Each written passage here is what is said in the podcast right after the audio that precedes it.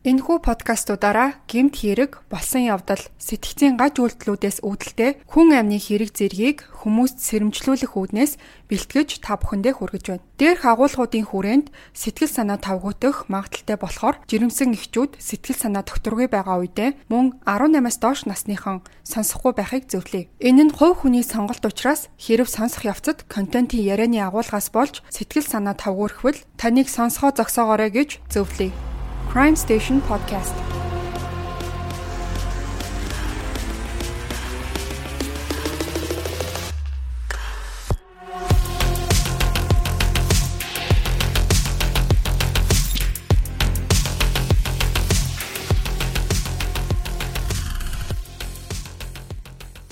Сайн байцгаана уу сонсогчдоо та бүхэндээ сар шинийн баярын мэндийг хүргэе. Монголд байгаа сонсогчд маань хамаатан садан ойр дотныхоо хүмүүстээ өнөр өтгөн баяраа тэмдэглэж байгаа болохоор за энэ удаад онцгойлон гадаадд байгаа монголчуудаа бидний уламжлалт цагаан сарын баярын мэндийг өргөн дэвшүүлье. Хилэн тих химэх модон луу жилдээ та бүхэн минь бүхнийг уужуу сэтгэлээр бодож гол нь хувийн эрүүл мэнд, хувийн зохион байгуулалтанда багч болтугай цаг завг зарцуулж эрүүл амьдралыг эрхэмлэхийг хүсэн өрөөй. За тэгэхээр манай сувг гемт хэргийн холбогдлолтой зүйлс ярддаг сувг болохоор хэдийгээр яг шний нэгний өдөр дугаар маань одоо давхцаж таарч байгаа ч гэсэн ярддаг сэдвээсээ бол хазаалгүй нэг түүхийг та бүхэнд өнөөдөр өгөөлөх болно. Jennifer Shuet гэх 8хан настай охин гэрээсээ хулгайлагдаж хүчрхийлүүлж эцэст нь хоолойг нь хэрчээд тэр чигт нь орхиж явсан тийм аимшигтай зүйл тохиолдсон хэдий ч тэр охин бол амьд үлдэж эцэстээ өөрт нь тамлал амсуулсан тэр хүнийг олон жилийн дараа таньсан мөн хэрэг илрүүлэх явцад гар бие оролцож өөрийн хэргийг илрүүлэхэд цагдаа мөрдөгчдөд тусалж чадсан аврагдсан тийм survival түүхийг өнөөдөр ярихаар бэлтлээ.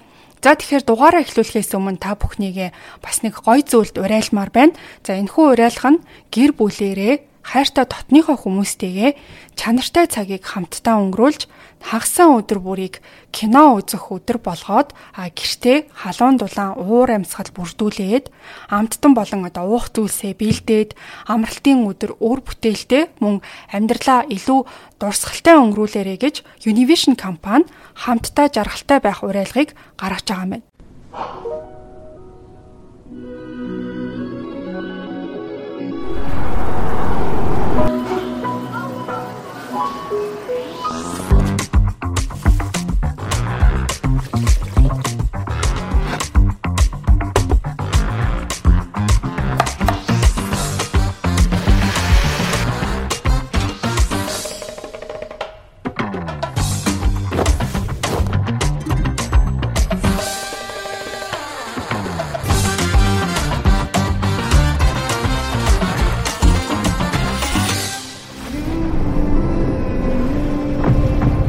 Бүгдээрээ кино үздэг өдөр жаргалтай дурсамжаа хамтдаа бүтээгээрэй. Univision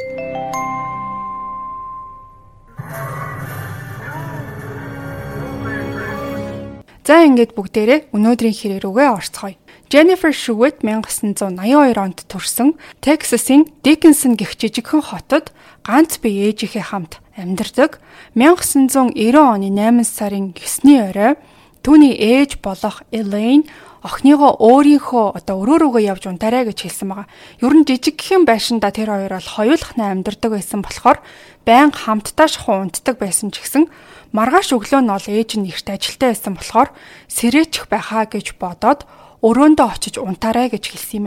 За ингээд Jennifer бол өрөөндөө ороод унттлаа. Жохон ном уншиж агаад тэгээ нэг мэтгэд нам унтцсан байсан. А өглөө ээж нь эртлэн сэрээд Jennifer-ийн өрөөнд орсон чинь орондоо байхгүй харин өрөөнийх нь цонх нь ол том онгоогоод а булан тохоогүй хайж гадагшаа хүртэл харсан ч ямар ч сураг байгаагүй. Тэр бол мэдээж сандарч цагдаараа шууд дуудлага хийгээд удаачгүй бол зурагт радиогоор хүүхэд алга болсон мэдээлэл цацагдаж цагдаа нар охины ирэлд хурдан гарахгүй бол цаг хугацаа алдах тусам олох магадлал багаснаа гэж үзэжсэн байна. Jennifer охин бол гэрээсээ өөрөө цухтаасан гэж хэлэх боломжгүй байсан учраас хайлтын ажлыг нэг яаралтай хийж эхэлсэн ч тэдний гэрийн ойр орчмоор эхэлж хайхад огт уул мөрөн олдоогүй. Ингээд 9-ний оройны 6 цаг хагасын үед цагдаа дээр нэг дуудлага ирсэн нь ойролцоох нэг хөршийн айлын хүмүүс хүүхдүүд нь гадаа тоглож байгаад тийм жоохоо охин амиа алдсан юм уу гэмээр хаягдсан байдалтай байхыг олж харсан талаараа хэлсэн юм байна. За тухайн дуудлагын дагуу бол яаралтай одоо хэлсэн газар руу цагдаа нар явж очиход охин одоо бараг л амьсгал хураах шахан байдалтай байсан учраас нэгсдэг тэргээр бол түүнийг эмнэлэг рүү хүргээд а эмнэлэгт түүнийг үдсэн эмч нар бараг л аврагдах боломжгүй аврагдаж чадахгүй амьсгал хураах байхаа гэсэн дүгнэлт эхлээд гаргаж исэн ба.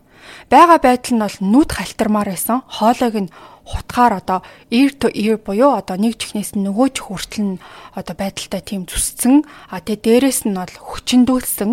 Тэгээ хөөрхий бүр ээжийг нь хүртэл одоо эмнэлгийн өрөөнд оруулахыг хориглох тийм шийдвэр гарах хүртэл тийм өрөвдөлтэй аимшигтай дүрт хөрөхтэй байсан. Мэдээж охин бол өөрөө шокийн байдалтай. Маш их айсан а тэгээ болж байгаа үйл явдлыг ч гэсэн ойлгох сөхөөгүй байсан маа Азар бол охины хүзүүндэх одоо гол судсууд хутганы зүсэлтэнд гимтээгүй байсан тулдаа тэр бол амьд үлдэж чадсан нь үнэхээр одоо гайхамшиг гэж хэлхээс өөр аргагүй байсан. За тухайн жижигхэн суурьнд бол гарсан энэ аимшигтай хэрэг олон нийтийг маш их цочролд оруулсан. Jennifer охины амь насыг аврах гэж эмнэлэг дээр эмч совилогчд бүх хүч чадлаа дайчилсан бол цагдаа нар энхүү хэрцгий гэмт хэргийг үйлцэн этгээдийг нэн даруй барих ажилдаа ханцуу шамлаад орсон байна.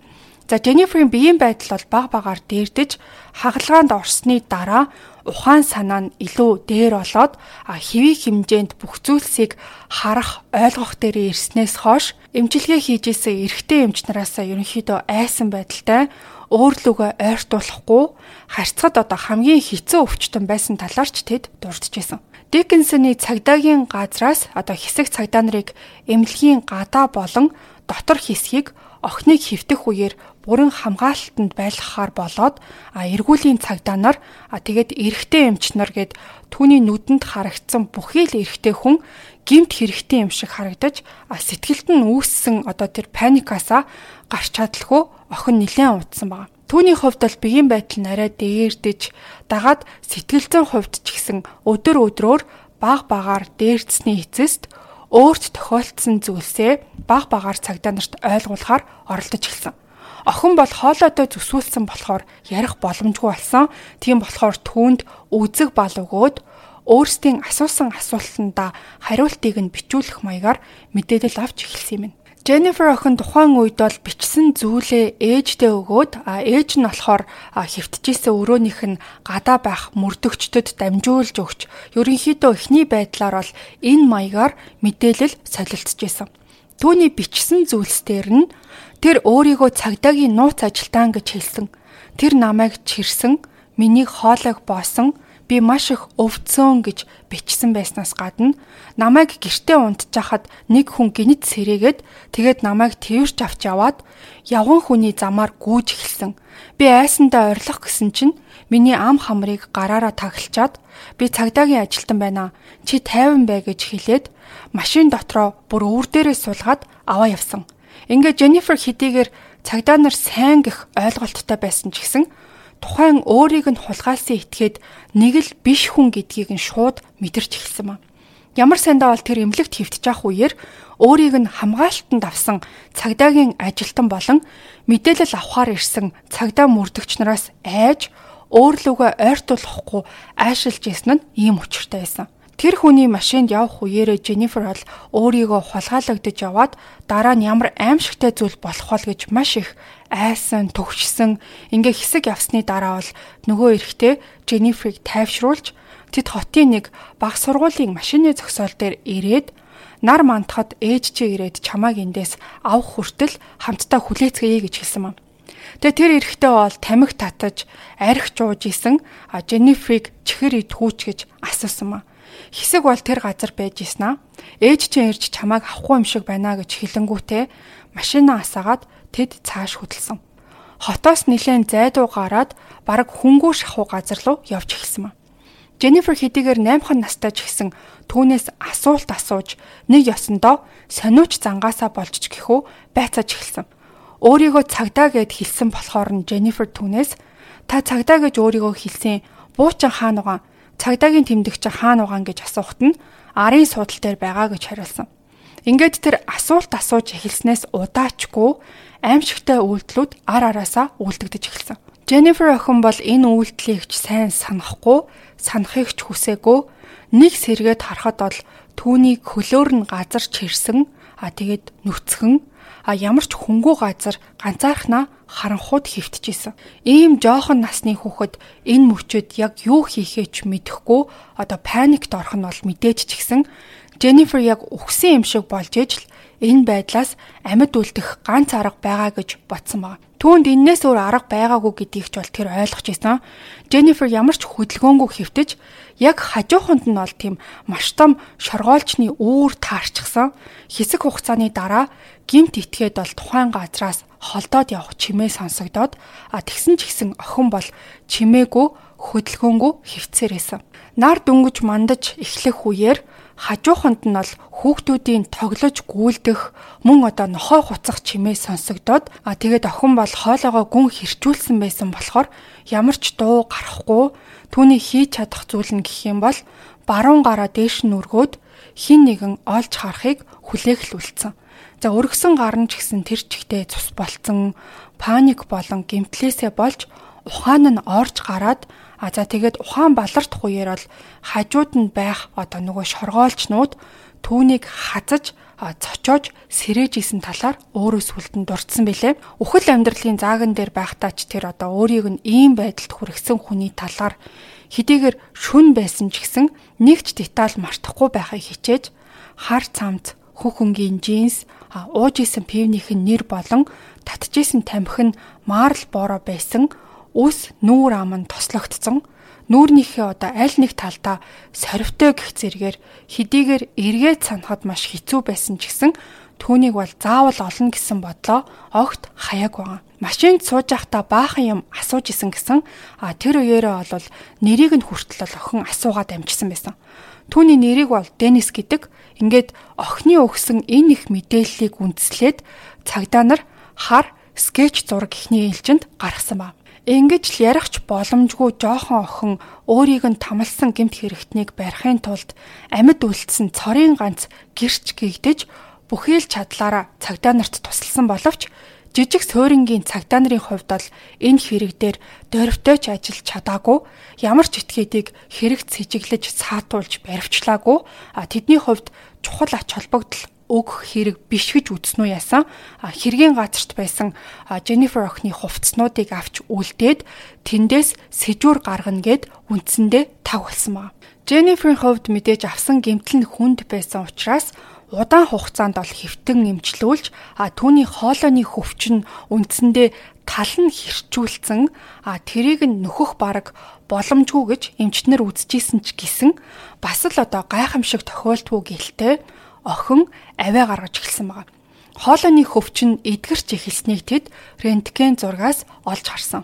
Ингээд Jennifer ахаад ярьж эхлэх болсон цагаасаа хойш би энэ бүрч их дээрдээд за эмнэлгээс гарч гэрлүүгээ буцаад аа тэгээд эх жилээс нь сургуультай явж эхэлсэн юм байна.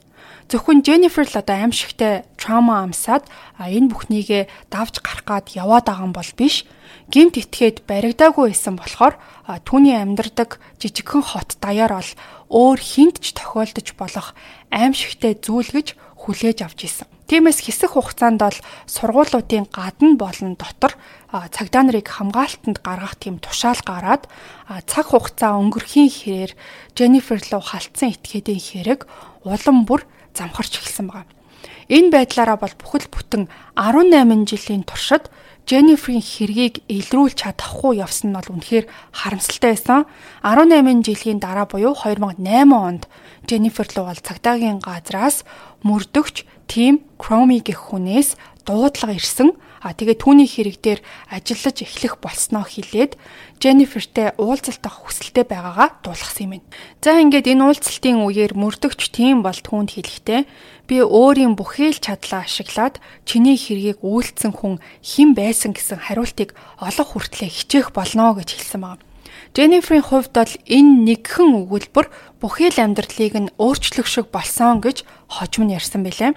Тийм гэх энэ мөрдөгч Яг л одоо Jennifer-ийн хэрэг дээр ажиллах гэж бүр цаанаасаа илгээгцэн хүн шиг байсан гэж дурдаад өөрөө ч гэсэн хэрэг илрүүлэх явцад бүхий л цаг үед өөрийн зүгээс тусалж чадах бүх зүйлээ хийх болно гэж түнд хэлсэн. Мөрдөгч тим холбооны мөрдөх товчоор холбогдоод 18 жилийн өмнө хэргийн газраас олдсон охины хувцснаас ямар нэг зүйл олж илрүүлж болох талаар эхлээд бол асуусан. Мөрдөгч тийм хэлэхдээ хаагдсан хавтаст хэрэгүүдийн хамгийн хэцүүдэлтэй дайсан бол цаг хугацаа. Хүмүүс орхидог, холддог, мартаад л өнгөрдөг.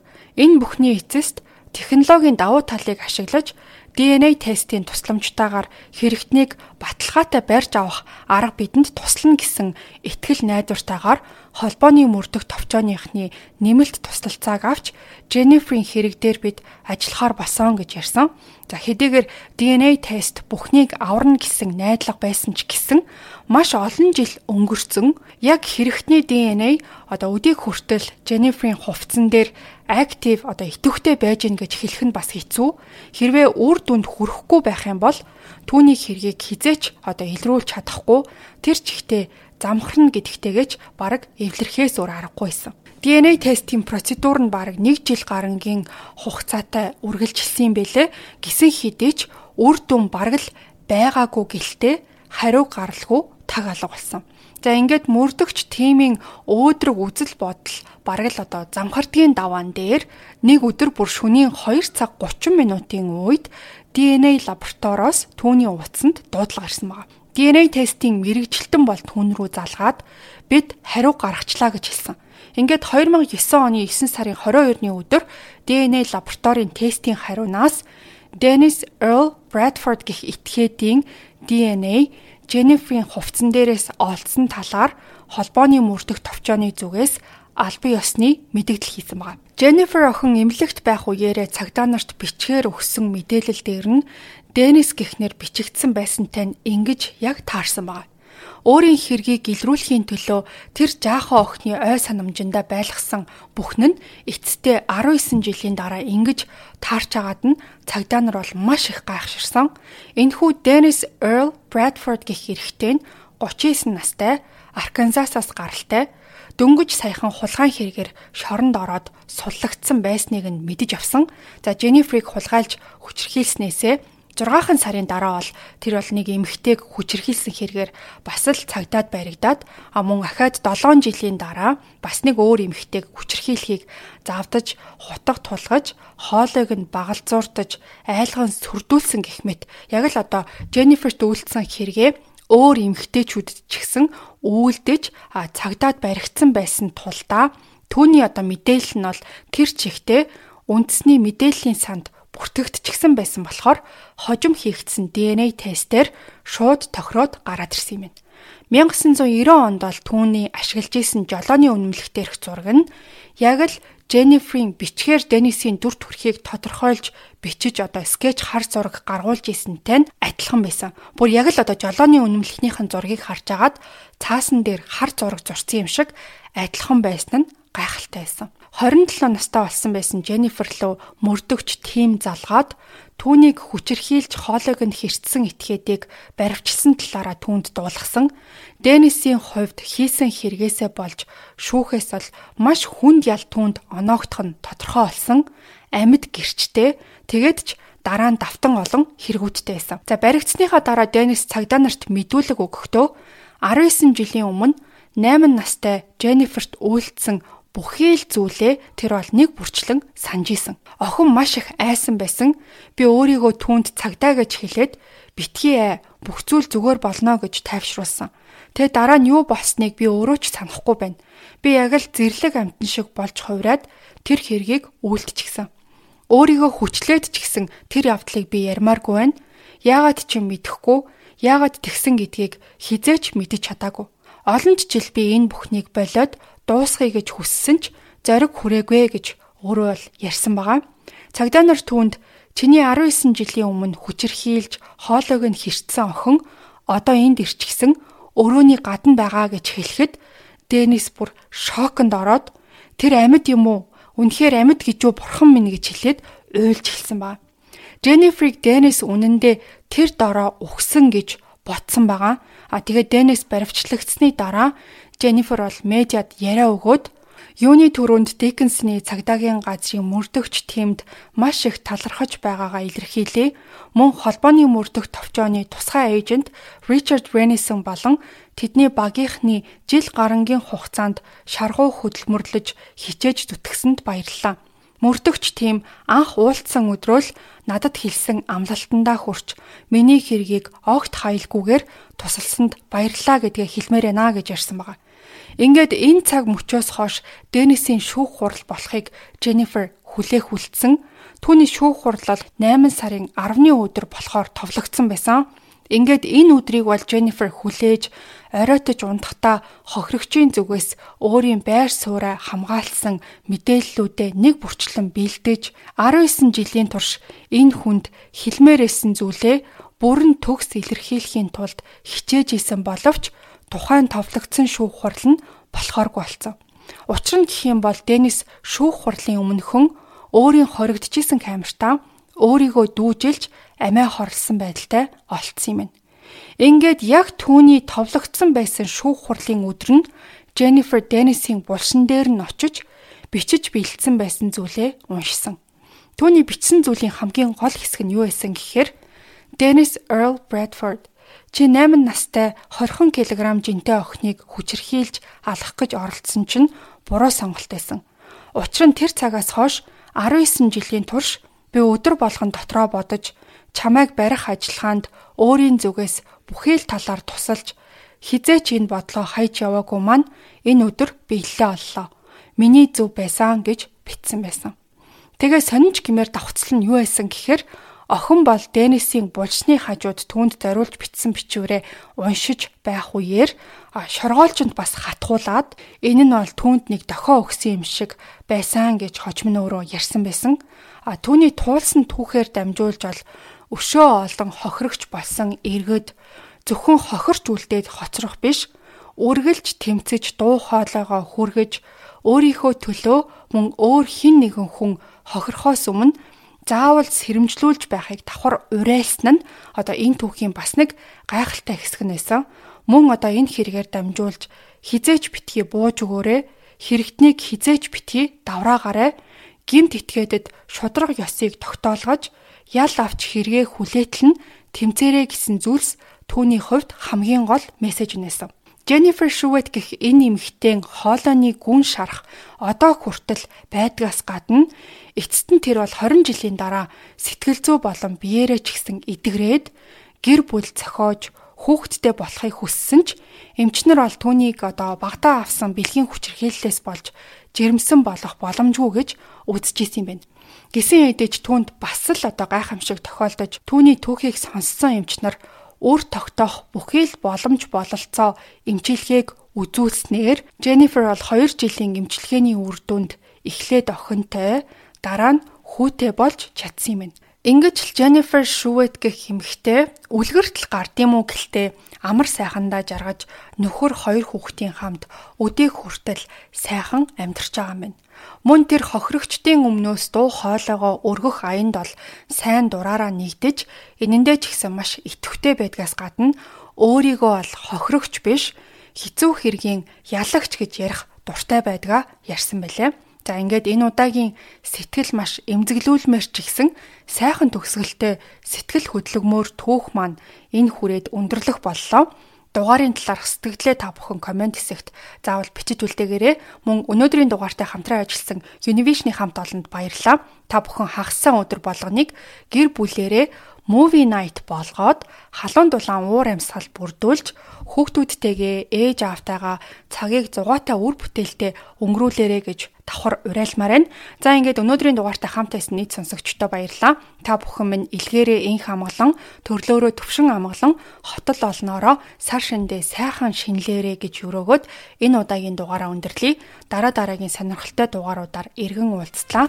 Түр баяртай сонсогчдоо.